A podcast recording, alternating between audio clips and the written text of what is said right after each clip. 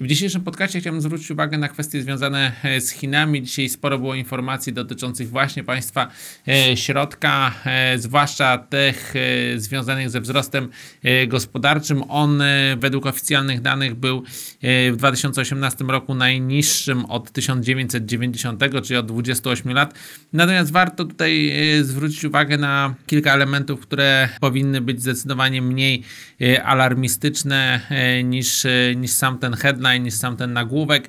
Wzrost gospodarczy był cały czas szybki, 6,6% od 4 lat, od y, przedziału lat 2015-2018. Ten wzrost zawierał się w, okolicach właśnie 6,9%, także te zmiany są bardzo, bardzo niewielkie. Właściwie wszyscy spodziewają się, że w kolejnych latach ta chińska gospodarka będzie zmniejszać nieco wzrost, ale to nie będzie żaden kryzys, przynajmniej według e, obecnych prognoz i według e, tych prognoz, które również brały pod uwagę e, fakt, e, że ten, że ten wzrost e, w ubiegłym roku będzie w granicach właśnie 6,6%. Także ten spadek, ten oczekiwany spadek nie będzie silny.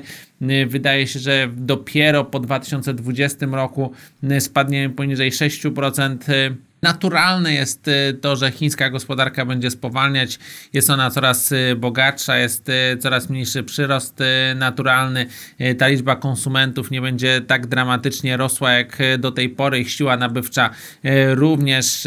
Także kwestie związane z handlem zagranicznym.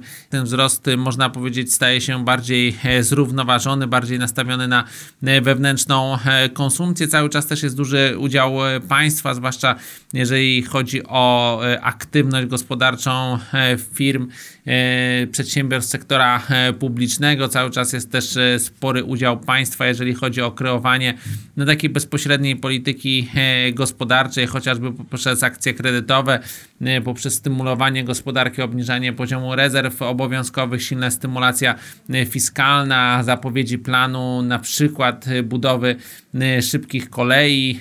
To są kwoty przekraczające 100 miliardów dolarów w takim takim e, okresie inwestycyjnym. Także e, ten, e, ten wpływ państwa jest stosunkowo duży. Dodatkowo chińska gospodarka, przynajmniej jeżeli chodzi o dług sektora finansów publicznych, nie jest mocno zadłużona, więc ta przestrzeń do stymulacji jest duża.